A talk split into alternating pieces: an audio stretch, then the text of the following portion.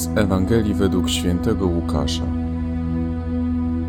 Gdy Jezus modlił się na osobności, a byli z nim uczniowie, zwrócił się do nich z zapytaniem: Za kogo uważają mnie tłumy? Oni odpowiedzieli: Za Jana Chrzciciela, inni za Eliasza. Jeszcze inni mówią, że któryś z dawnych proroków zmartwychwstał. Zapytał ich: A wy za kogo mnie uważacie?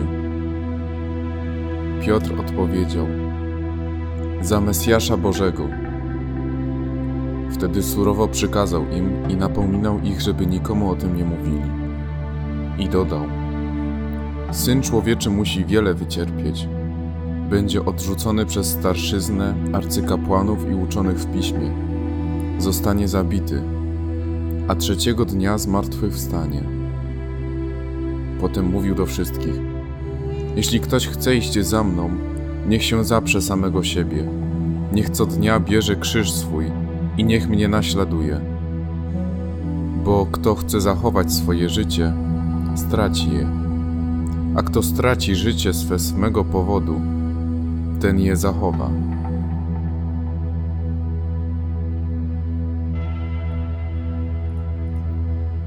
Dopiero co skończyliśmy okres wielkanocny, a Słowo Boże ponownie kieruje nasze serca ku cierpieniu Chrystusa oraz zachęca do udziału w choć małej cząstce Jego pasji.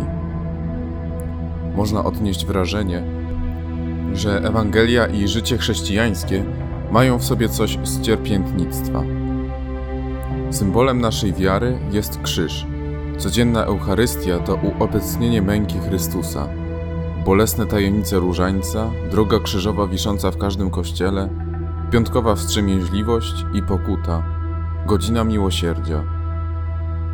Pobieżne, pozorne przejście obok Słowa Bożego może zniechęcić do dalszego trwania w wierze, nawet na całe życie, a także odebrać nam autentyczną radość i entuzjazm płynący z Ewangelii. Święty Augustyn powiedział, że idziemy do Boga nie drogą, lecz miłością. Tylko w tej perspektywie krzyż Jezusa nie jest znakiem ciągłej groźby i zagrożenia, ale staje się najpiękniejszym drogowskazem. Bo gdyby Jezus nie umarł na krzyżu, nie tylko ziemskie życie, ale i nasza wieczność stałaby się ciągłą drogą krzyżową.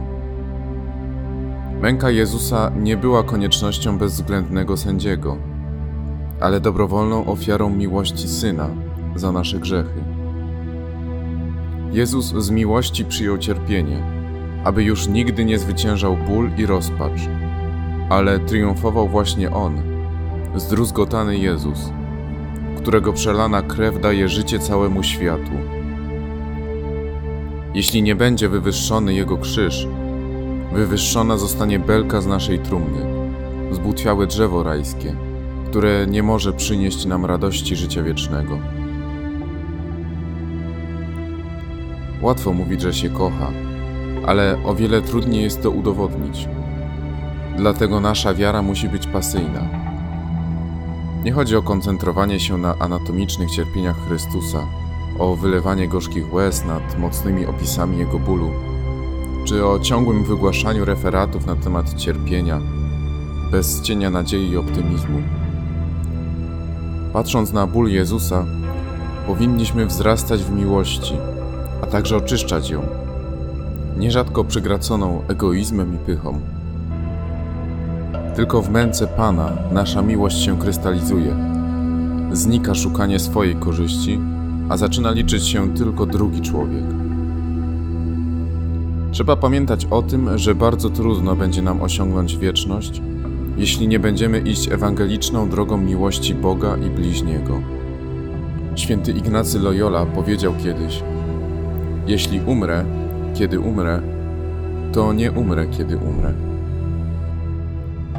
Warto więc umrzeć dziś naprawdę ze swoim własnym ja, swoimi mądrościami, miłostkami i szukaniem za wszelką cenę własnej korzyści, po to byśmy kiedyś nie umarli przygnieceni ciężarem własnego grzechu.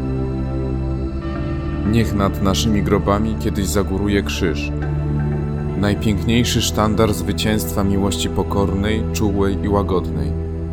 bo tylko pod tym znakiem możemy zrozumieć, czym naprawdę jest miłość.